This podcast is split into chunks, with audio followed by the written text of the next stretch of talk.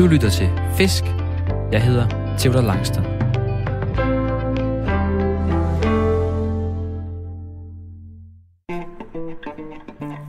Jeg er løsfisker.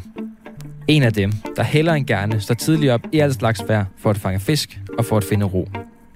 For selvom der ikke altid er bid, vender jeg for det meste hjem fra fisketuren med nye tanker om livet og mig selv. Men jeg vil også ønske, at der kom lidt flere fisk på krogen.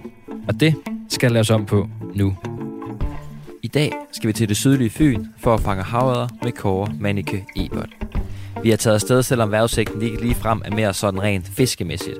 Men så er det godt, at Kåre er fiskebiolog i Danmarks Sportsfiskerforbund med speciale i havørens biologi og ved alt om, hvordan man som løsfisker skal gebære sig, hvis man vil have de bedste chancer for at finde havørder og for at få dem i hugget.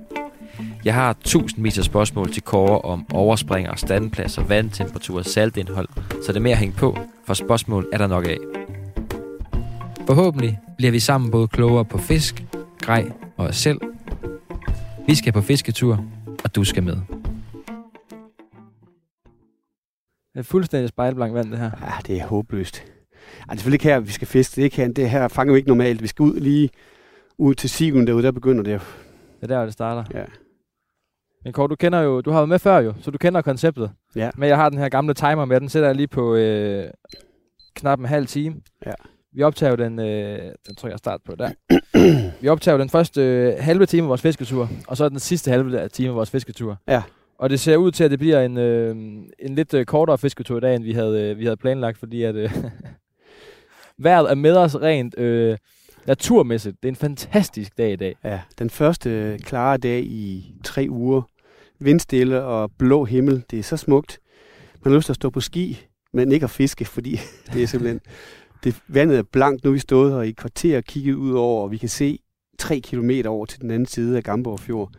Og det er bare, vi har ikke set en fisk, altså. Det, er jo, øh, Det bliver det, er- svært. Det er Black Friday. Ja, det, det er det modsatte af Black Friday. Ja, vi, vi er i hvert fald ikke ude at købe noget. Vi skal ud og se, om vi kan have lys. fisk, og det ser ikke, øhm, Lys det ser Friday. ikke så godt ud. Men øh, første dag med nattefrost, siden øh, den dag, der var noget i, i oktober. Det har pivkoldt her til morgen. Det er 2-3 grader nu. Ja. Solen banker ned over os. Klokken er ved at være omkring 10-11 tiden. Den står stadigvæk helt lavt på himlen. Det er helt vildt, det her vinter, vintersol, synes jeg. Ja, At den ikke kommer, kommer højere op. ja. Og vi tager til Gamborg Fjord. Ja, jeg har tjekket med mine kilder, og de fortalte mig, at i en del af fjorden, der var der blevet fanget godt med havørder. Under de forhold, der var for nogle dage siden, altså rusk og sydvestenvind og tåge, dis, regn. Rigtig godt havørdervejr. Så det vi tog over, giver det et, giver det et skud, men øh, med, med små forventninger. Ja. Men øh, du er biolog, Kåre, og det er også derfor, jeg har taget, taget dig med i dag, fordi at, øh, vi skal snakke en masse... Jeg tænker, vi skal snakke også, også lidt grej meget kort, hvad vi skal fiske med i dag. Nu lover jeg det ikke så godt, men vi skal også snakke rigtig meget biologi, for det ved du, øh, du rigtig meget om.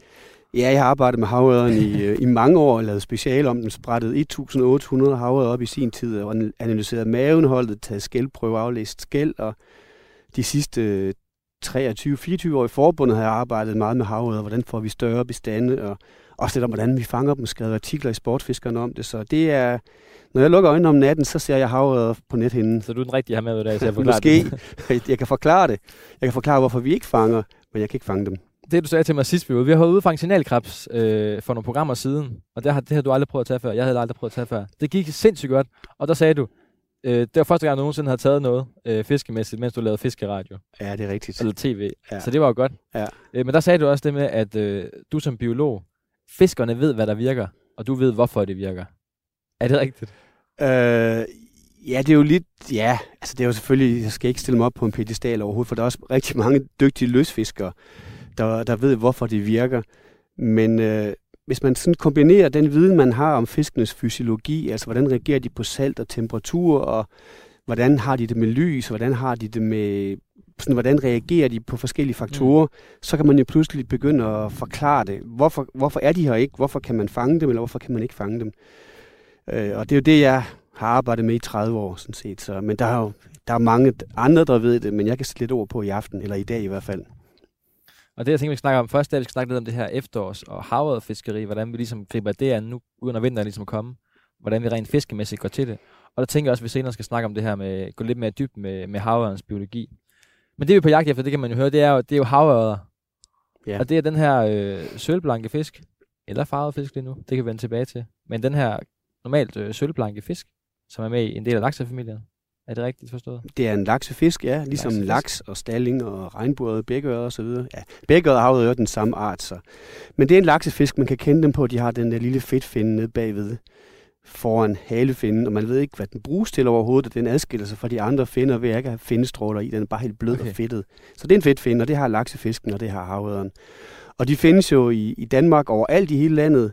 Øh, nogle af de største havøder overhovedet i hele verden er fanget i Danmark. I Karbo på 14,4 kilo for 50-60 år siden i et vandløb, men faktisk op på nordkysten af Sjælland for cirka 15 år siden blev der fanget en stor havør i garn, som øh, var 110 cm, og da den så var blevet sprættet op, der vejede den så, som jeg husker det, cirka 18,8 kilo. Hold nu op.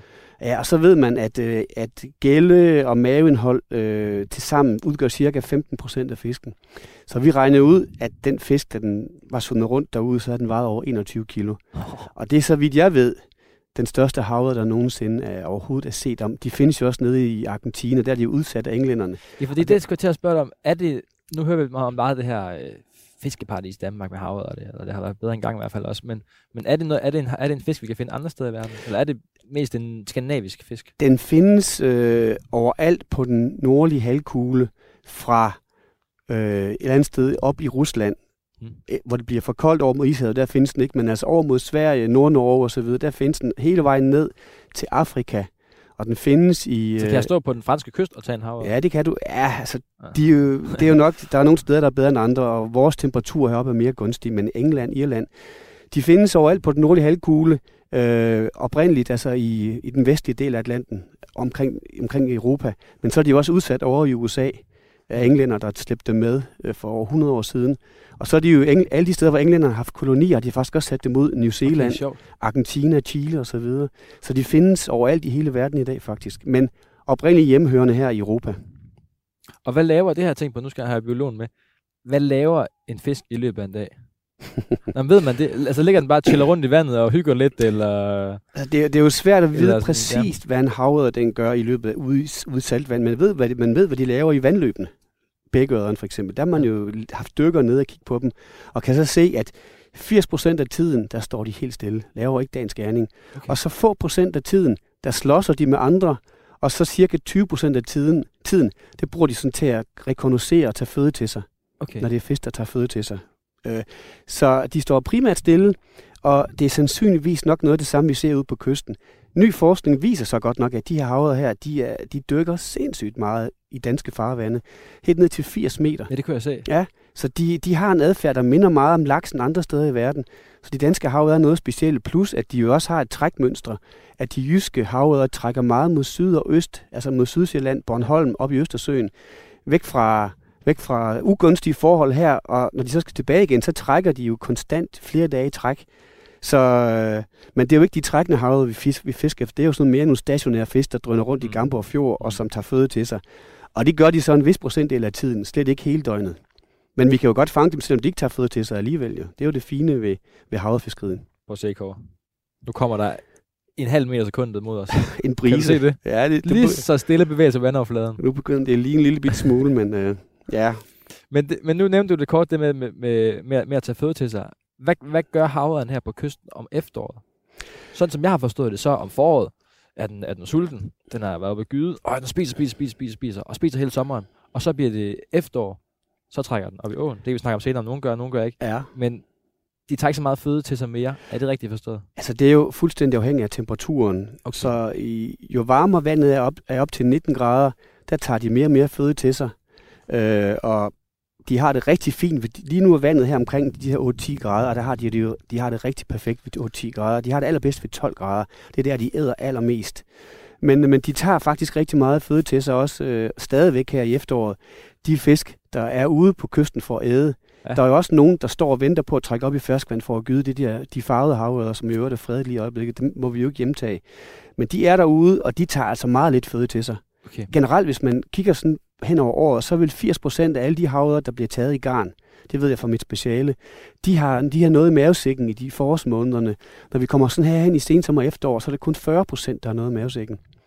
Dermed ikke sagt, at de ikke æder, men de æder bare så lidt, at de når at fordøje det. Og det er også derfor, de er svære at fange, fordi de Okay. der kønsmodne havørreder, de tager meget lidt føde til sig. Mens dem, der er derude, de blanke, de tager føde til sig ligesom, ligesom normalt, og de vil have meget mavesækken, men fordi bestanden lige i øjeblikket ude på kysten består af en blanding af kønsmodne og blanke fisk, Ja. så er der relativt få, der har noget i mavesækken. Så når vi går ud og fisker her lige om lidt, hvad, hvad er det så, vi prøver at trigge? Er Ja. det, er det et, øh, er det et øh, territorielt instinkt, ligesom oppe i åen, hvor vi ser, at de øh, bliver aggressive og, og slår ud altså med deres mund efter, efter vores spænder, der vi nu fisker med? Eller er det, er det føde, de tager til sig? Ja, men det er faktisk begge dele, øh, fordi selv en havørder, som er blank og som er ude på kysten for at æde så stor og fed, den, den æder jo ikke hele tiden. Det er ikke en ædemaskine. Mm. Den har måske to timer i løbet af dagen, hvor den tager føde til sig. Men den kan jo godt stå derude, og så kan den se øh, vores flue eller vores blink. Og hvis vi så gør det rigtige, så reagerer den faktisk instinktivt. Ikke fordi den er sulten, men fordi den, øh, den ikke kan sige nej tak til noget, der kommer foran snuden på den, og som ligner noget, der flygter. Så, så de havørder der, som står derude, som, ikke tager, som er blanke, men ikke tager føde til sig, dem fanger vi på grund af de instinktive. De kan ikke sige nej tak. Og så er der de andre, de farvede derude, som jo ikke tager føde til sig, stort set. Der skal vi ud og pire deres øh, territoriale instinkt. Okay. Og det er jo sjovt nok, at hvorfor har de territorier ude i saltvand? Det giver jo ikke mening, for det skal de jo op i åen for, og der giver det jo god mening. Men, men fisk, de er jo tåbelige, og de er jo styret af deres hormoner. Og når Mm. de bliver farvet ude på kysten, så begynder de allerede at få den der adfærd med, at de skal, de skal være territoriale. Så det, at vi kaster en lille rød spinner ind, eller en lille rød blink foran snuden på den, det kan faktisk godt trigge den og få den til at reagere. Helt, helt tåbeligt, for det giver jo ikke mening, vel, men den er så faktisk territorial på kysten allerede nu. Øh, allerede nu, det er jo midt i gyde, gydesæsonen, Ja, ja, ja. så de fisk, der er hernede, de er jo tæt på at skulle gyde. Men det var noget andet, jeg ville spørge om, det med, når vi, øh, nu står vi her ved fjorden, og vi har nogle havet, der svømmer rundt, nogle der svømmer op i åen, nogle er herude. Tager de også standplads, dem som ikke er oppe i åen, tager de standplads ligesom en, en, en havl vil gøre i åen? Kan de finde på at standplads bag en sten og sige, her, her, nu bliver jeg her og chiller og sover og spiser 20 procent? Ja, men øh, det, jeg, jeg tror, at hvis man spørger løsfiskere, så kan man få alle versioner på, at de trækker, eller at de har standpladser. Og det er nok i virkeligheden sandheden, det er, at havørder, de kan det hele. De er så forskellige. Nogle de trækker langt, nogle de bliver lokalt og æder tangt op, om nogle drønner rundt i halen af stil ude på det dybe vand.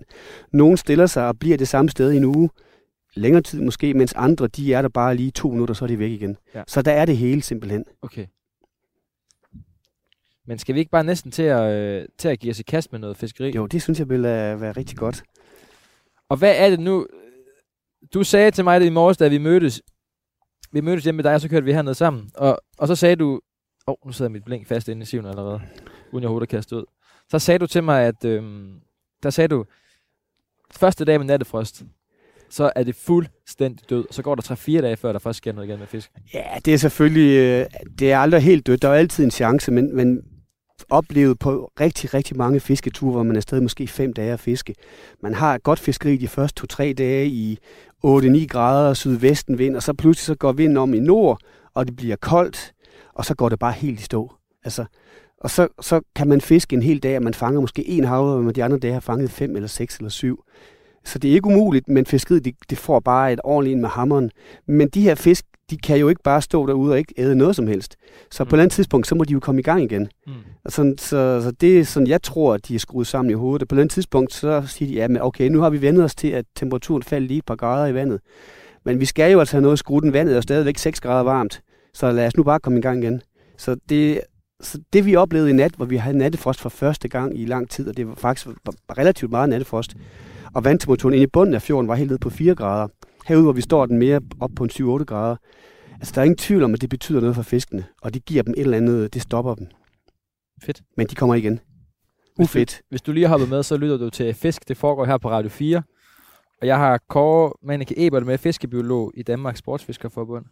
Med ud og se, om vi kunne, om vi kunne overlæse en lille øh, en havørred. Ja, lad os prøve at gå ud mod spidsen der. Det er en plads, hvor der er, igennem tiden er blevet fanget mange, mange pæne havørder. Prøv lige at se en gang her, hvordan, øh, når vi går der, der er masser af små fisk, der fiser ud. Der står helt Er på det det hele lave. kutlinger? Det er små kutlinger, ja. Og det er jo noget af det, som, når vandet bliver lidt koldere, så slår havøderen stort set fuldstændig over på småfisk. Forskellige kutlingearter, og så de to hundestejlearter. De udgør simpelthen 90 procent af, hvad de æder i vintermånederne. Så øhm, nu tager vi en flue, som mange kender. Øh, det kunne være øhm, det kunne være en magnus, en polar magnus. Ja. Det er en, den, den skal ligne en lille fisk. Sådan som jeg forstår den. Ja, men den kan også ligne en lille reje, faktisk. Okay, Det er jo det og det fine kan ved den godt. Ja, det synes jeg. Okay, men den har den der helt, øh, den har sådan helt øh, skrige pink øh, forkrop. at, hvad, hvad skal den, skal den, skal den både ligne et fødeemne så, og så også trick med den her farve? Jeg tror, det, det er nok den rigtige forklaring. Altså, vi skal jo ind i fiskens hjerne for at forstå, hvorfor den tager sådan en farve, som ikke findes derude i Det er det. Øh, men det handler jo, jeg tror i virkeligheden, det handler meget mere om, hvordan bevæger den sig, og, og, og gør løsfisker noget, som trigger havørens huginstinkt, så kan man i virkeligheden fange dem på alt. Der er ingen tvivl om, at der er nogle løsfiskere, som har knækket en kode med nogle farver, der virker bedre end andre på fluer, for eksempel. Mm. Jeg har ikke oplevet det med, med blink, øh, jeg, hvor jeg, som jeg fisker rigtig meget. Jeg fisker også rigtig meget flue, men kan godt lide at fiske med blink i lidt hårdt vejr. Og jeg har ikke oplevet, at der er nogle farver, som ikke fanger. Øh, det handler meget mere om, hvordan blinket bevæger sig. Og det samme med fluen, tror jeg. Jeg tror ikke, altså jeg, jeg tror, at synlighed kan jo være rigtig fint, og det er jo det, Polarmagnus kan med det der hissige hagel, der, der skriger til himlen. Mm. Og havren kan bedre se den i, øh, i dårlige lysforhold. Det er måske sådan noget, der gør sig gældende. Okay, så den her, det her med, man, det er i hvert fald vokset op med, at om vinteren, så skal der nogle skrappe farver til for at provokere havøren. Den går ikke helt hos biologen. Ja, men det der jo er med de skrabe farver her om vintermåneden, det er jo, altså havørren, hvis den er, er, er øh, i færd med at blive, blive kønsmoden og, og selv begynder at tage farve, altså den røde farve, det viser jo, at her kommer der en rival.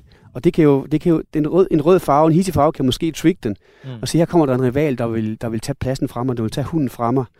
Øh, og så kan det være, at den, den tager instinktivt. Altså, så, men, men min erfaring bare, altså i vintermånederne handler, altså, det handler ikke om, om hissige farver, det handler om at, at, at være de rigtige steder og fisk varieret, og så, øh, så tro på det, man har for enden af linen. Det er måske nok i virkeligheden den bedste. Det bedste råd at give. Tro på det, du har. Hvis du først har fanget en havre på det, du fisker med, så kan du også fange den næste. Fedt. Men ved du hvad, skal ikke bare, mens vi går ud skal vi så ikke Jo. tage noget kast Jeg ned? prøver lige se, hvor mange kutlinger der er. Det er helt vildt. Jeg, jeg fisker meget Vejle Fjord. Den er desværre har været død i nogle år efterhånden. Der ser jeg slet ikke det liv her. Det er virkelig... De vrimler ned om fødderne Ja, på os. det er Det er virkelig... helt, vandet er fuldstændig klart. Ja. Der er i hundredvis af kutlinger her. Det er sådan noget, som gør, at havøderne jo vil komme ind på et tidspunkt her. De ved jo godt, at på det kysten er produktionen væsentligt større. Øh, så havøderne her i efterårsmåneden, når de kommer jo ind på det helt lave vand, altså det er jo, mange, det er jo nok den fejl, flest lystfiskere begår, det er, at vi vader lige ud i vand til livet, og så står vi og kaster ud af.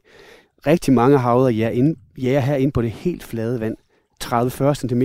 Og hvorfor gør de det? Jo, fordi du kan se, hvad, ikke, hvad, der er et mylder af liv herinde. Ja, okay. Så det er derfor. ja Jeg var ude og fiske med, med Jack Schultz på Fyn. For nogle, det, er noget, det er ved at være noget tid siden. Der fiskede vi også bare i vand lige til knæene. Ja. Han sagde, det er det fede. Ja. Ham efteråret især. Og det, er- det er faktisk tit om efteråret, de kommer ind og gør det her. Jeg tror, det er Ja. fordi produktionen den er så kanon stor af yngel og så videre, som så kommer ind på det lave vand, fordi de ved, ude på det dybe vand, der huserer de store, der vil æde dem. Så ind på det lave vand og være, der kan man være i fred til en vis grad, men altså ikke for havørerne, for de har knækket koden. Så de kommer her ind og jager. Nu kaster jeg har Ja, sat du- en, øh, en hvid striber på. Jamen, det er jo det, det, er jo det fynske, det fynske guld. Det er Jeg fisker faktisk også med en, øh, en fynsk, øh, et fynsk blink, der hedder Stålkilen, Og- som desværre er udgået af produktionen, men øh, det kan noget af det samme som striberen. Det der med, at det roterer om sin egen akse. Og, og så ændrer den indspændingsretning lige pludselig. Når den gør det, så kører den, så den kører sådan højre og venstre i indspændingen. Så den lige så stille den ene vej til den ene side, og så til den anden side. Jeg, jeg, og- jeg kan stå og kigge på det, når du kaster ind. Det Ja. er jo så, så klart vandet lige nu. Og lige det øjeblik, hvor den ændrer indspændingsretning, hvor blinket går fra at køre lidt ud af mod højre, og pludselig drejer lidt mod venstre, så er der, at havren de, de, de mange gange tager, fordi det netop er illuderer flugtadfærd. Og en fisk, der ikke der er lidt træ, måske ikke sådan ekstremt hugvile, den bliver jo trigget af, at der pludselig er noget, der sker. Wow, nu flygter mit byttedyr, nu skal jeg tage det. Ja, fordi nu, har vi, nu kaster jeg ud her. Nu tager jeg kast. Ups. Sådan der. Så hiver jeg ind. Så står der en havet bagved. Nu siger vi, at den følger mit blink. Ja. Nu følger den efter. Er det, det er nysgerrighed, eller hvad? Ja, det kald hvad du vil. Den er jo også, den er jo inden for at jage på Ja, det okay. lave selvfølgelig, så den er jo nysgerrig. Den er, også på, den er måske Men- også Men den hugger, den hugger ikke. Nej, Så laver jeg et spændstop. Trækker til. Så Ja. hugger den. ja, lige præcis. Hvorfor? For, jamen, Det, har, hvis du har en kat, eller har set nogen have en kat, og du lægger en garnnøgle foran den kat, så er den pisse ligeglad. Nå ja, okay. Ja. Den gør ikke noget. Men hvis du begynder at trække gar- garnnøglen frem og tilbage, Ja. så vil den på et eller andet tidspunkt, så siger det slam, så får garnnøglen en med poten. Det er jo fordi, garnnøglen prøver på at flygte fra katten, og gør den det effektivt nok og mange gange nok, så kan, så kan, gar, så kan katten ikke sige nej tak. Og det er det samme med havøren. Okay. Den er instinktiv. Hvis du gør det rigtigt, der trigger dets huginstinkt, så tager den. Hvis du ikke trigger dens huginstinkt, så følger den bare efter doven, og så, så svømmer den ud igen, og så er den set, og så er den færdig. Så derfor et godt tip er jo, at når du fisker her på sådan noget vand, hvor man kan se, hvor der står synlighed, så kaster du de der 30, 40, 50 meter ud, så træk blinket op i overfladen, sådan 20 meter ude. Mm. Så kan du se, om der er en haver, der følger efter. Ja. Og hvis den gør det, så kan du lave spinstop, eller du kan speed op, få den op og skøjte i overfladen. Lav alt muligt lige med den. Så har du en chance for at fange den. Men jeg kan sige, at på rigtig mange fisketure, hvor vi netop fiskede sådan noget højtryksvejr som det her, det har 99 ud af 100, eller 9 ud af 10 havre, vi har fanget, de er simpelthen taget på spinstop, eller på et eller andet, Okay. hvor vi har, har lavet noget. Hvis du bare spænder ind, selv, selvom stripperen går rigtig godt, og stålkilden gør det, så skal der nogle gange lidt mere til. okay. Så, så, så fisk varieret, det er simpelthen til at, det er nøglen til at fange de der træge fisk. Ja, det er godt at have en biolog med, Kåre. Nå, men ja, det men vi fanger ikke noget øh, i det vejr her. Jeg, jeg er ked af at skulle afmystificere eller afmelde fangsten her nu. Min kone regner med, at jeg kommer hjem med en stor havørred. men jeg tror, hun skal, hun skal ned i fiskehandleren i stedet for. Og de, øh, der er jo fredningstid nu på, øh, på, på nogle havre, på de farvede havre. Ja, Så hvis vi fanger en farvet havre, så skal den ud igen. det er fra den 16. januar til den, undskyld, fra den 16. november til den 16. januar. Øh, og ja, og det er jo formålet med det, det er jo at sikre, at havøderen, de får en mulighed for at komme op og gyde. Mm. Og, og i den periode der, der er de jo alle sammen kønsmodne. Eller, der er de kønsmodne. Men problemet er bare lidt det, at der er rigtig mange havøder, der gyder fra midt oktober. Og så sent som en gang indtil sidst i februar, først i marts måned. Okay. Så hvis man skulle lave en fredningstid, der faktisk øh, opfyldte formålet og sikre, at de her kønsmodne fisk ikke bliver fanget, inden de har gydt, så skulle man faktisk forlænge fredningen ind til en gang i, i marts måned. Det har vi faktisk det har vi foreslået i nogle forskellige bekendtgørelser, hvor vi mener, at det giver god mening, at de lige får lov til at, de farvede får lov til at være lidt længere i fred, fordi de skal jo, det er jo ærgerligt at fange en øh, fisk, der ikke har gydt en gang i februar, Mm. den så den så bliver nakket, og så er den fyldt med roven for eksempel. Altså, det giver ingen mening. Så en længere fredningstid til havet, ja tak. Og det arbejder vi for. Kåre, hvis vi skal snakke om sådan noget med, hvis, nu man skal, hvis vi skal finde havren her om vinteren, nu bliver det koldere, hvor, hvad, hvad med vandtemperaturen, hvis, hvis vi skal starte der? Hvad, hvad skal vi kigge efter? Ja, det, det er jo sådan, at havet er vekselvarm. Det betyder, at den har den samme temperatur i kroppen, som det vand, den svømmer rundt i. Og man ved, at havet, de Har den har... det? Ja. Den har... Ja, altså den, hvis vandet er 4 grader, så er havet 4 grader herude. Og hold da Øh, det er en kold, Ja, men det er også derfor, kold tilværelse. det har lært, øh, det har lært den unge øh, Theodor lige lidt om øh, fiskebiologi Hold her. kæft, Og det er jo meget grundlæggende i øvrigt. Altså, ja, det, jeg tror, kan jeg godt mærke, det var for dig. Ja, det men, synes jeg var helt vildt. men for eksempel tunfisk kan jo varme kroppen op til 10 grader over det omgivende vand, så tun kan være i lidt køligere vand, end den egentlig burde kunne. Det er derfor, den er, der, den er meget blod i kroppen, og den har et højt stofskifte. Men havøren og langt, langt, langt, langt de fleste fiskearter, de har den samme temperatur i kroppen. Jeg vil sige, de havre, der er lige her i Gamborgfjorden, og de er omkring 7-8 grader i kroppen. Og det har de det rigtig fint med. Indtil vandet kommer ned, om, ned omkring 4 grader, der æder den, og den vokser stadigvæk. Når vandet bliver koldere end 4 grader, så holder havren op med at få længde til vækst.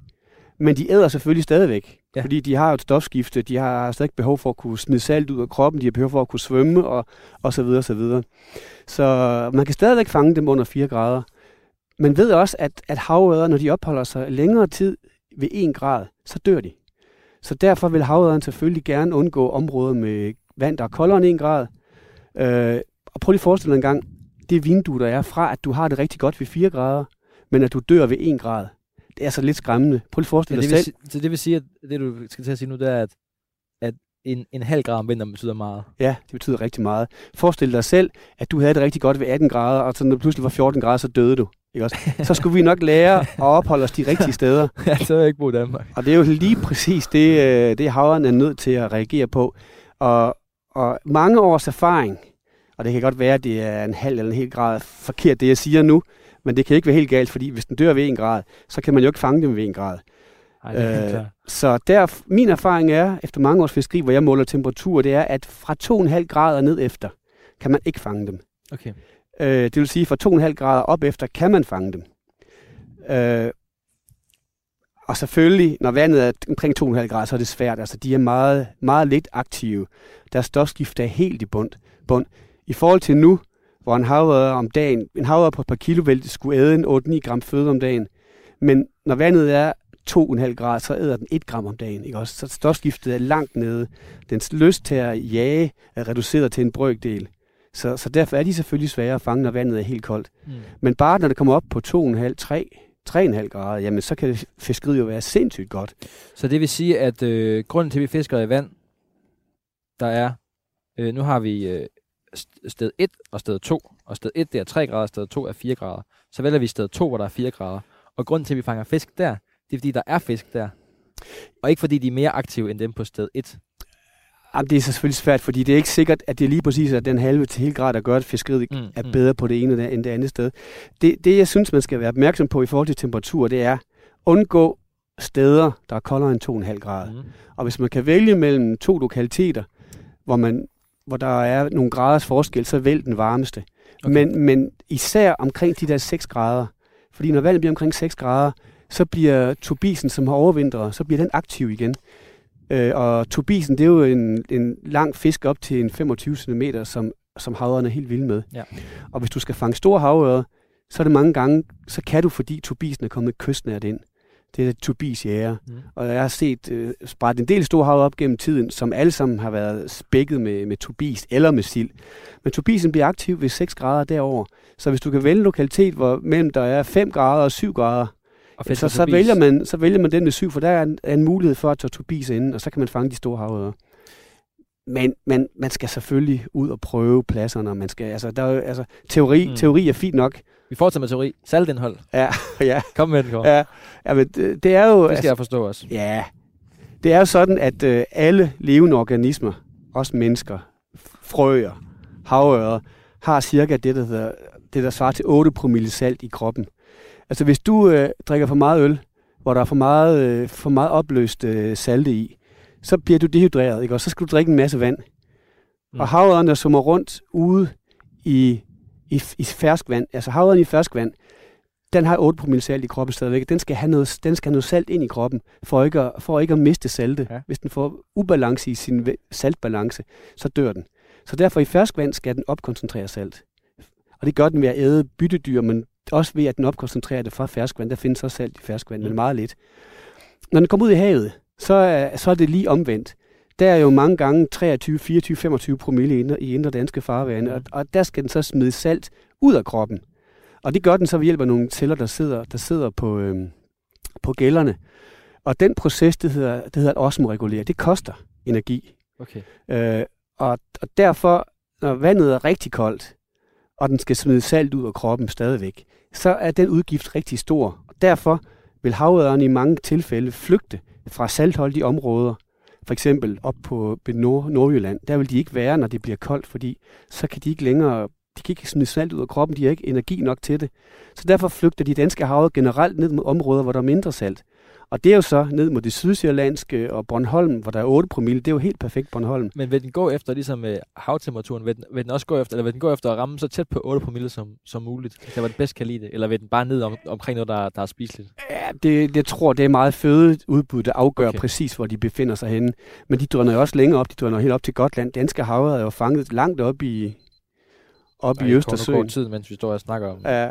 om saltindholdet. Ja.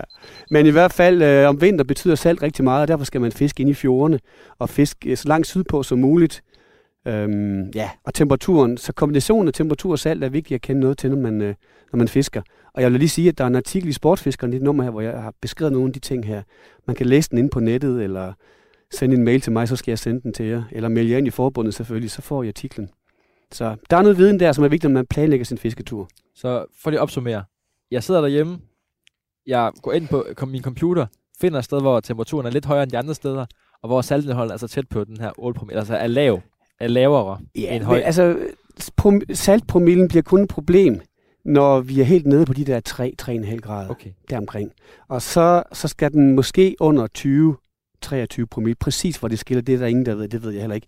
Men det man jo bare ser, det er op på, på, på Djursland, for eksempel, når vandet er 2 grader varmt så fanger man jo ikke havet, når, når, der, er, når der er 28 promille salt. Altså, så, skal man, så skal man ind i vine og bugtene. Men under, for, for, for, inden vi, og vi skal også, nej, vi skal også stoppe nu, men under, øh, under, under, under 20 promille, så er, det, så er vi langt nede. Ja, så, så er det en lav saltholdighed, og der vil havet okay. nok have det væsentligt bedre, vil nok kunne klare sig ved lave temperaturer. Okay. Men vi ser jo bare, at havøret, for eksempel på Limfjorden, 20 procent af dem, når de trækker, de trækker ned igennem Øresund. Og det gør de jo for at komme længere sydpå. Ikke også? Ja. Så der er helt klart et træk væk fra høje saltholdigheder, ned mod saltholdigheder, der minder om de der 8, 10, 12 promille, som er omkring Bornholm og Sydsjælland. Så det er der noget, der tyder på, at det er det, de, det, er det, de gerne vil have. Fedt, Kåre. Vi skal, vi skal stoppe nu. Nu har vi fisket en halv times tid, og det du hørte lige før, det var jo mit, mit gamle stopur, som sagde, at øh, nu har vi fisket en halv time. Kåre, vi, øh, vi slukker mikrofonen nu, og så giver vi det et skud hernede, selvom vi ikke, vi ikke tror så meget på det. Og så vender vi tilbage igen, når der er ved at være en halv times øh, tid af vores fisketur tilbage. Og der går nok ikke, øh, der går nok ikke mange timer før, der Ej, er det. vinden har jo lagt sig igen. De der, den brise, der kom en gang, vi stod og snakkede til at starte med, den er væk. Så nu er det jo fuldstændig blankt. Men vi ses, øh, vi ses så, når der er en halv times tid tilbage igen. Ja.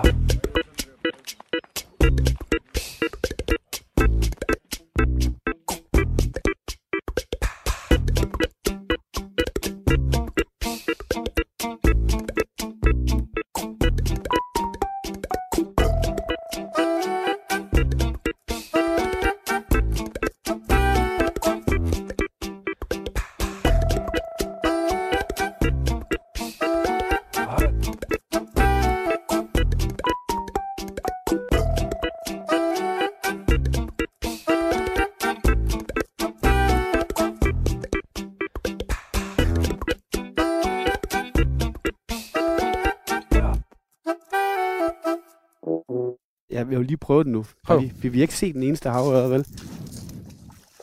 Tag et spark og se, om de er der.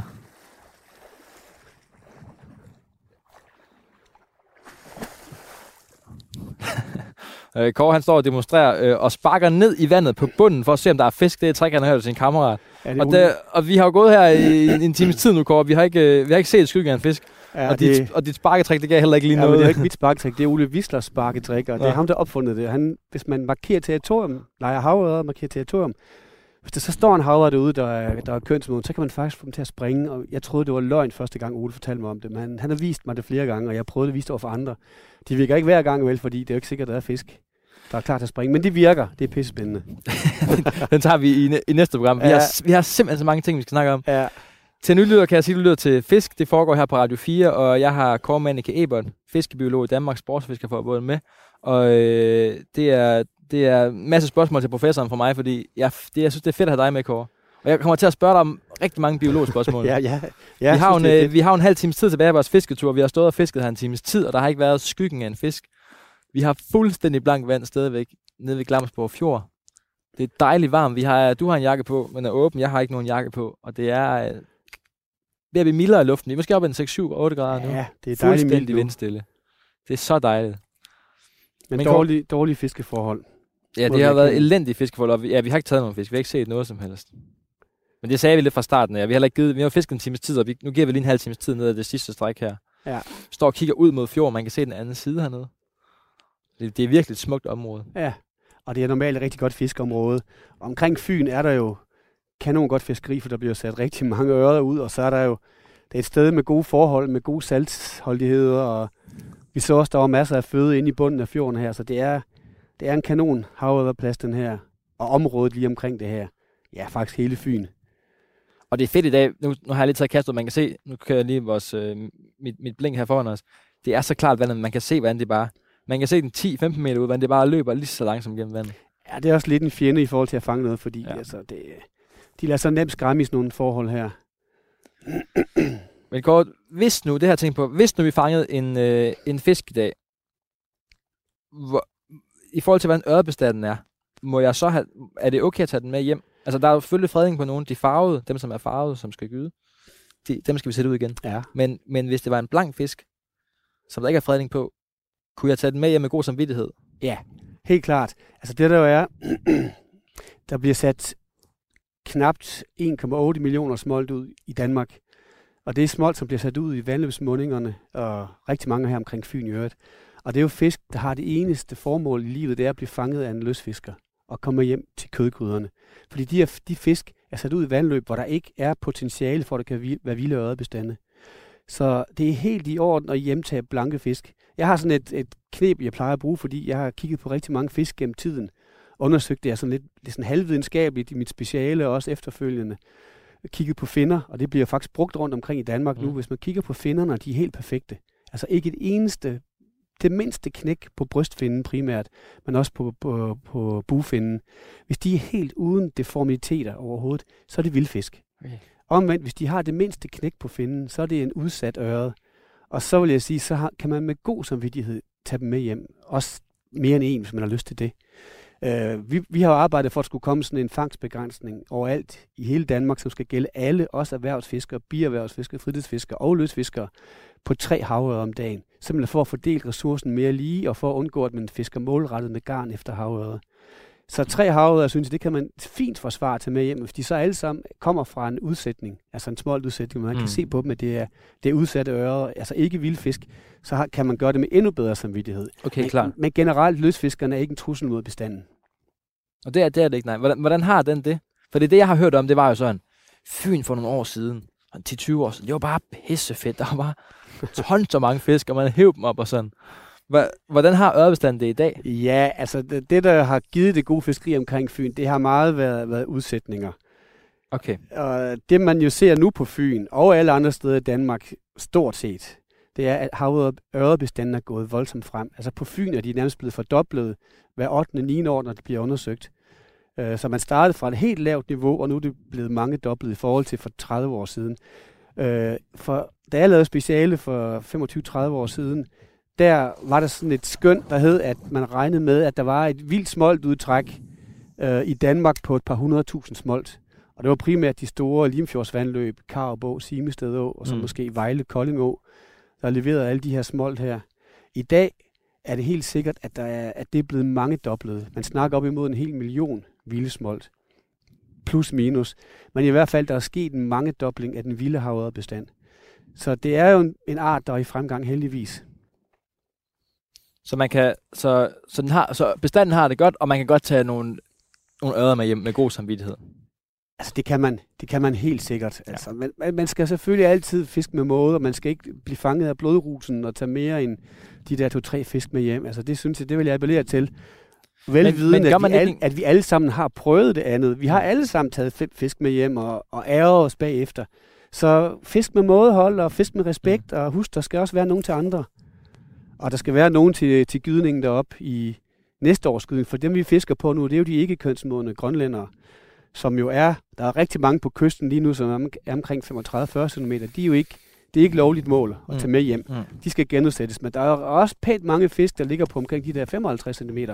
Sidste års udtræk fra vandløbene, det er også ja. grønlændere. Dem kan der også være i, i 100 eller i 10.000 vis af rundt, rundt i danske farvande. Øh, men de skal vi op og gyde næste år. Så hvis vi slår dem alle sammen ihjel som løsfisker, så går det ud over gydepopulationen. Inden vi går videre til, nu har vi nævnt grønlænder mange gange, overspring og farvet. Så skal vi snakke om, lige om lidt skal vi have den helt udførlige øh, forklaring om det. Ja. Men øhm, jeg skal lige stille et, et spørgsmål, uden at gå meget ned i øh, dyrevelfærd og ting og sager. Når man, så man har en, en fisk på krogen, så nogen siger det med, at, at en fisk kan syre til. Det synes, det er lidt synd for den, at man fejler den. Altså, ja. at nogen sagde, derfor at vide, fisken skal så hurtigt ind som muligt, øh, så vi kan få den øh, afkrået eller, eller øh, slået ihjel. Ja. Fordi den, den, den, den syrer til ellers, og, og så har den det svært. Ja, og det er helt rigtigt. Altså, det er god rådgivning, du har fået af dine venner der. Og fisk, de, øh, når, man, når de fighter hårdt, altså, så ligesom du selv syrer til, ikke også, når du ikke får nok ilt, så mister du også til sidst pusen, og en øre, der bliver kørt helt død træt, altså den, mm. den har det øh, selvfølgelig ikke rigtig godt, men den gode nyhed er så, eller det er jo ikke en nyhed, det er der rigtig mange, der ved, fordi det er jo sådan, man, man forvalter det over i laksevandløbene. Det er, at med mindre den bløder ud af gælderne, og med mindre du virkelig har mishandlet den, når du har fejtet den og afkroget den, så vil den altid overleve, når vandet er varmere end 18, når, når vandet er koldere end 18 grader. For når vandet er koldere end 18 grader, så er der masser af ild i vandet, og havet er en stofskifte. Øh, det er ikke så højt, som når vandet er 20 grader, så den har mindre iltbehov. Så en fisk, der bliver kørt træt ja. på kysten, når vandet, som nu her, er 8-9-10 grader, det vil, det vil altid overleve, med mindre den bløder fra gælderne. Okay. Så behandle fisk ordentligt, fight dem hurtigt, genudsæt dem hurtigt, og lad være med at holde dem over vand ret lang tid, mere end 10 sekunder, hvis man kan undgå det. Og de vil, de vil overleve genudsætningen 95 procent. Det, det, synes jeg, det synes jeg er fedt at vide som lystfisker, det der. Ja, jeg synes, det- det er nogle, det kan være svært. Det nytter Og noget at ja. genudsætte, ikke Ja. også? Altså, Nå, men Kåre, skal vi ikke snakke om det? Øhm, de fisk, vi fanger herude nu, hvad er det for nogle fisk, vi kan fange? øh, Udover det havet selvfølgelig, det ved du godt, Theodor. Jamen, vi, jamen, vi skal Ja. snakke om, altså, hvad for nogle, hvad for nogle var- type haver? Det var en vits. Det var Åh, en okay. dårlig vits. Gammel, gammelmandshumor. det er jo. Ja, nej, det er, det er fisk, havørder, der trak ud fra vandløbene her i foråret, mm. i Mhm. marts, april, maj.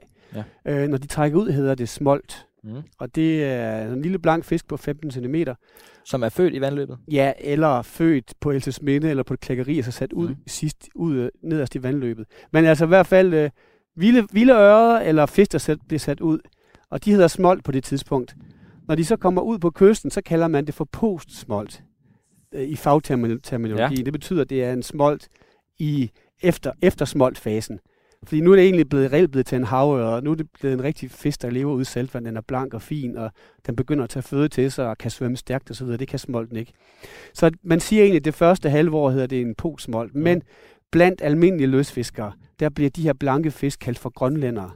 Og det kommer jo egentlig af en fiskehandler op i Aalborg, er der for rigtig, rigtig mange år siden solgte, solgte små blanke ørder øh, i vinduet, øh, eller øh, solgte dem i sin fiskebutik, og de kom fra Grønland, så de hed grønlændere.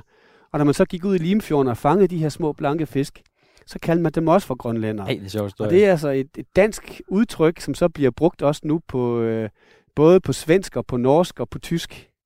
Så det er, det er det lidt er sjovt. fiskehandler, der har startet det. Ja, det er en fiskehandler og nogle løsfiskere, der så fanger nogle fisk, der mindede om det. Ej, hvor er det sjovt. Kan passe på ikke snuble her, når vi går ned igennem. Der er lidt Ja, så, så det er så grønlænder. Det er grønlænder. Og Ja. den, hvor stor kan den være? Eller hvor Jamen, lang den- tid hedder den grønlænder? Jamen, den er jo grønlænder fra, den er 15 cm, og faktisk indtil den har gydt første gang. Okay. Øh, og rigtig mange danske havørder, de gyder, når de har været halvandet år i havet. Det vil sige, de er omkring de der 40, nej undskyld, 45-55 cm. Sådan en god kilos fisk. Mm. Det er måske halvdelen af alle fisk, der gør det. Øh, nogle de gyder faktisk allerede, allerede efter et halvt år, og så er de ikke mere end 30 cm store. Men så er der også nogen, der gyder efter to og et halvt år, og det er jo de der kanonflotte fisk på 3, 4, 5 kilo, som vi også kan fange på kysten. Det er i princippet også grønlænder, indtil de har gydt. Og så er der de der store fisk fra Kavbo og andre store vandløb, som gyder, først gyder efter fire år i havet, og de kan veje over 10 kilo. Og det er også en Og grønlænder. det er i princippet også en grønlænder. Okay, Men dem begynder man så at kalde noget andet. Dem begynder man så at kalde for blankfisk. blank fisk. Der er så også nogen, der kalder dem for overspringere. Og ja, det, er den og næste det, fisk. Det er nemlig forkert, fordi en overspringer, det er en fisk, der har været oppe at gyde, Mm. og som så springer en gydning over. Og, og hvorfor gør de så det? Jo, man tror, at det skyldes nu for eksempel en fisk i Kavbo, som kommer op allerede i april måned. En fisk på 8 kilo for eksempel. Ja. Den er i Kavbo indtil november, december, januar, hvor den så gyder. Mm. Og så bliver den i åen, indtil det bliver marts måned, så trækker den ud. Det vil sige, at den har været et helt år i ferskvand, uden at tage føde til sig. Og den her fisk her, den var før 8 kilo, nu, nu vejer den kun 5 kilo. Det vil sige, nu skal den ud og have taget 5 kilo på, eller 3 kilo på, Mm. plus den skal producere kønsprodukter. Og det kan den så ikke nå på den der korte tid. Den vil Mm. egentlig gerne tilbage op i åen i maj, juni måned, og kæmpe de andre store fisk. Ikke også? Så Ja, så den den, vil, den vil blive det. ude. den Og- bliver så ude. Og det er en overspringer. Det er en og overspringer. den kan vi være heldige at fange også. Det kan vi også, ja. Men vi kan jo også være heldige at fange en grønlænder, der er lige så stor som en overspringer, som bare ikke har gyt endnu. Okay. Og så det er lidt forvirrende. Så definition for en løsfisker er, en grønlænder det er sådan en lille blank fisk op til omkring 50 cm. Og, det, øh, og sådan som jeg har forstået det og hørt det, det er, at grønlænder tit går i stimer, og overspringer går alene. Ja, men overspringer kan også godt gå i Okay. stimer, men der er bare få af dem jo. Ja, okay, på den så, måde. ja. Så har vi øh, ja, en almindelig, altså en farvet, en farvet havre. ja når, når en havre den bliver kønsmoden, og begynder at kønsmoden, og det kan de jo gøre allerede i, i juni, juli, august måned. Altså Jeg havde før, en fisk på i ja, jul, nej, juli. Midten af juli, den var helt flot næsten. Altså. Det kan også have været Flot en sådan såkaldt fjordøder, som måske lever i sådan et område som Vejlefjord eller Mariafjord, hvor de faktisk er farvet hele tiden. Så de bliver farvet hele tiden. Ja, det er sådan lidt, det skal vi måske lige vende tilbage Ja, ja, til, okay. men de farvede havørder, de, øh, det er jo hormonerne, der styrer det, og de bliver farvet allerede fra midt juli, august, og rigtig mange øh, altså, tager sådan rigtig farve i september og oktober. Og hunderne, de bliver sådan lidt brune, kedelige, mens hannerne de får nogle sindssygt røde, hissige farver, og det er jo sådan Mm. noget, de bruger til at imponere hunderne med, så de kan score dem ude på gydebankerne. Og hundernes, det er jo mere camouflagefarven.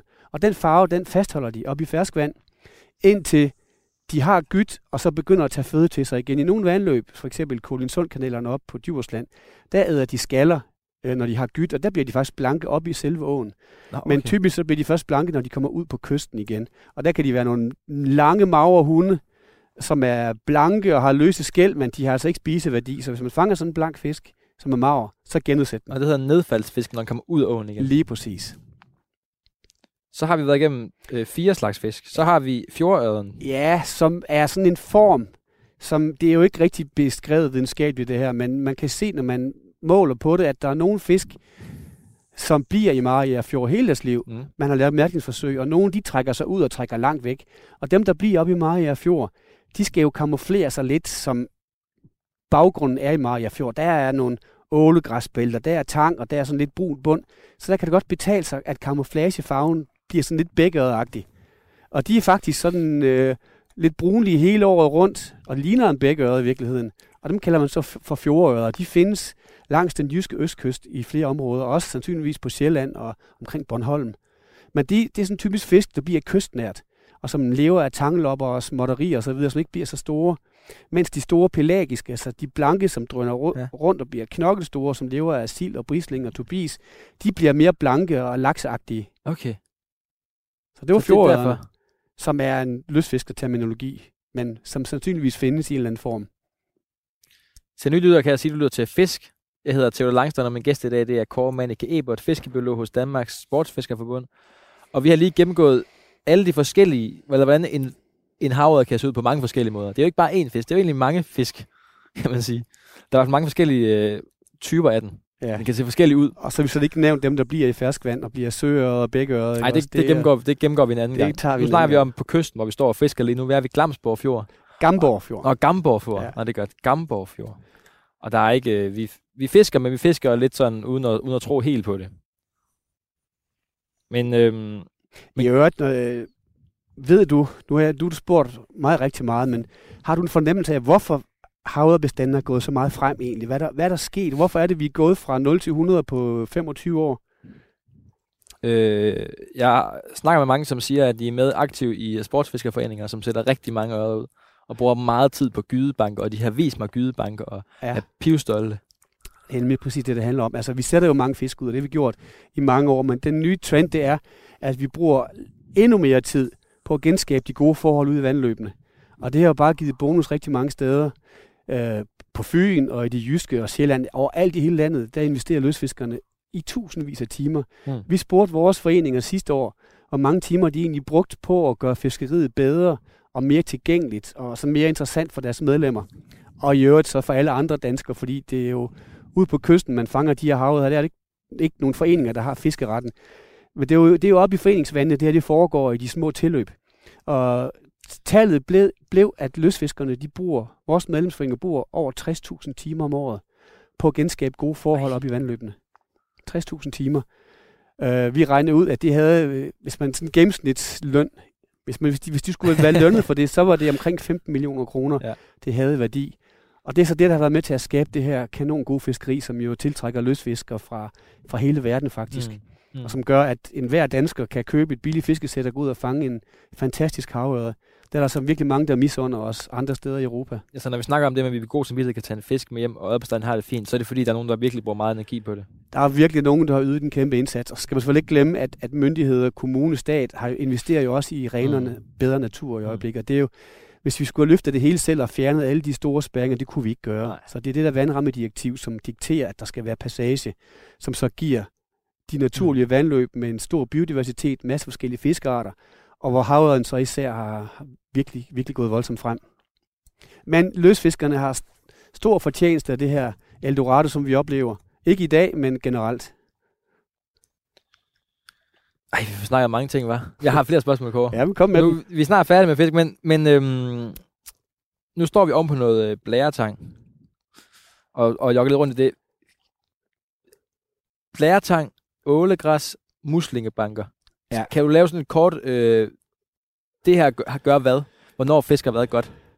Ja, men det fisker jo generelt godt hele tiden, fordi, Okay. fordi øh, variation på bunden i form af blæretang, ålegræs, muslingebanker, det er jo det, der holder på byttedyrene.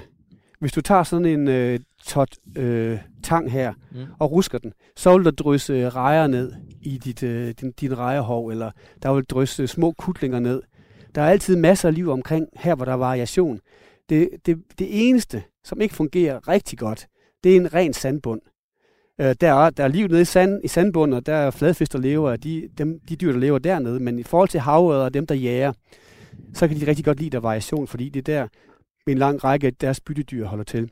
Så tankbuskene er ekstremt gode fiskesteder, fordi der står ørne, du skal rundt derinde. Så nævner du, Klart. åle, så nævner du ålegræsset. Og det var noget, som tidligere fyldte rigtig mange af de lavvandede områder i Danmark ud til 8, 10, 12 meter.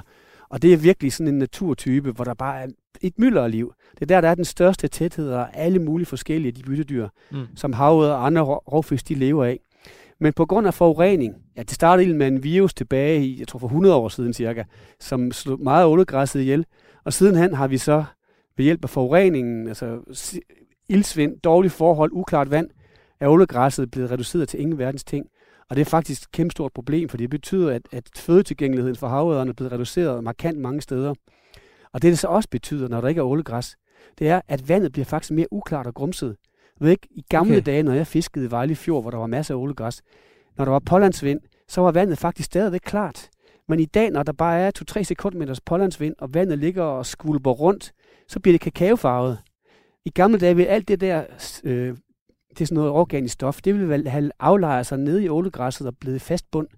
Og så vil det ikke være i vandfasen. Men nu ligger det bare og ruller rundt, fordi der ikke er nogen steder, det kan, af, det kan aflejres. Mm. Så ålegræs er faktisk ekstremt vigtigt, og det er også derfor, der er rigtig mange lystfiskere og foreninger, der arbejder med at udplante, eller de, vi overvejer at gå ind i det her arbejde her og arbejde med det. Det er jo gjort i Vejle Fjord, det er jo gjort i Kolding Fjord, eller Horsens Fjord, øh, og det er noget, vi kommer til at arbejde med, fordi det er noget af det, der virkelig kan genskabe de gode forhold for, for alle, alle dyr, men især for havet selvfølgelig. Og så er der muslingebankerne. Det skaber variation. Okay. Altså bundforhold, hvor der er strukturforskel. Det er noget, der holder på fødeemner, det skaber strøm. Og det er noget, som, som alle rovdyr elsker. Så det er ikke sådan, øh, så, så de er alle sammen gode. Det er ikke noget med, at muslingebanker er særligt fede om foråret, og ålegræs er godt om vinteren, og sådan de ting der. Det har jeg bare tænkt på, om der kunne være. Oh, det ved jeg ikke. Det Nej. ved jeg, det ved jeg ikke nok om. Nej. Øh, jeg vil bare sige, fisk, hvor der er variation på bunden. Og så er der selvfølgelig nogle gange, hvor den rene sandbund er rigtig fin, når der er turbis ind over det lave vand og så videre. Så Men der, vil de, er der vil de stadigvæk gemme sig. Havren gemmer sig inde i noget bevoksning. Ja, men så står, eller står de måske lige på kanten af det dybe vand, eller måske står de lidt dybt. Altså det, de kan godt lide at ikke blive set, Ja. og så kan de godt lide at lave angreb. Men de svømmer jo også rundt sådan, øh, nogle af de der film, Havrens Hemmeligheder, Niels Vestergaard, man kan jo se, hvordan de kuser rundt hele tiden jo, Ja. på jagten. Så de kan være overalt. Det er, jo det, det er jo det fede ved den art her. Man kan fange dem alle steder, fra Limfjorden til Bornholm, altså. Ej. Så du den fine flok gæster kom lige over os før. Ja, og vi har jo set en del marsvin derude også. Og vi fisker jo faktisk på det, der hedder Svinø, hvor der i gamle dage, der slog man marsvin ihjel ude på øen. Man, ligesom man lavede grindedrab, i lavere grindedrab på færøerne, så gjorde man det samme i Danmark på Svinø her, men bare med marsvin. Men jeg læste Der, det. er- der er navnet. Ja, der var en artikel ikke også af Mikkel Frej Damgaard om det her. Det er det skal meget fin en. Og der siger du, at øh, marsvin, det kan, være, det kan være et fint tegn på, at der er havet, men det, det er jo ikke et dårligt tegn på. Altså, når der er marsvin, der ligger og kører rundt derude, så er det fordi, der er fødeemner. Mm. Og det vil næsten altid være sild eller brisling. Og hvor der er sild eller brisling, der er der også god chance for, at der er store havet i nærheden. Og jeg kender flere, der siger, at det er et rigtig godt tegn. Jeg har ikke selv oplevet det, men jeg har heller ikke oplevet, at, øh, at det sådan har ødelagt fiskeriet en hel dag. Som for eksempel, hvis det nu er en, en, en flok sæler, der ligger derude og knasker. Altså det tror jeg nok kan skræmme de fleste havet væk, men, men det gør marsvin ikke. Nej. Så selv så skal man holde sig væk. Marsvin, så er det, så er det okay. Ja, det vil jeg tro. Der har været mange sæler forbi her. Der er i hvert fald ingen, der er ingen fisk ved os i dag. ja. Ej, det var nok øh, det var nok det flade vand og lyset og temperaturfaldet. Ja. Det var det var faktisk 10 graders temperaturforskel, som havørne eller ikke havørne kommer til at opleve, fordi vandet faldet ikke faldet 10 grader, men der er i hvert fald det er faldet nogle grader. Og det kan altså godt sætte lidt mm. stoppe, stopper for deres ædelyst. Men om, om, om, nogle dage igen, så, så sker der noget igen, siger du. Ja, men det, havørnen bliver, skal jo ind og æde igen på det lave vand på et andet Ja. tidspunkt. og så vender de sig til det. Og temperaturen er jo stadigvæk gunstig. Den er jo stadigvæk 5-6 grader om en, om en uge. Så der vil stadig være masser af mulighed for at fange fisk. Men i hvert fald så synes jeg, det har været rigtig, rigtig hyggeligt. Endnu en gang. I Og- lige måde. Fed naturoplevelse i dag. Ja. Altså, det er fedt med, fedt med solskin. Sådan en, øh, sådan en øh, slut novemberdag her. Ja, at kunne fiske i nærmest de skjorteærmer. Ja. Men hvis man skal fange havet, så skal man måske bede om lidt mere barsk vejr. og også tak, fordi du lyttede med. Og husk, at du kan genlytte det her program, hvis du ikke lige kan huske alt det Kåre, han har, han har lært mig og dig. Og så kan du gøre på Radio 4's app, eller der, hvor du normalt øh, lytter podcast. Du har lyttet til Fisk. Jeg hedder Theodor Langston.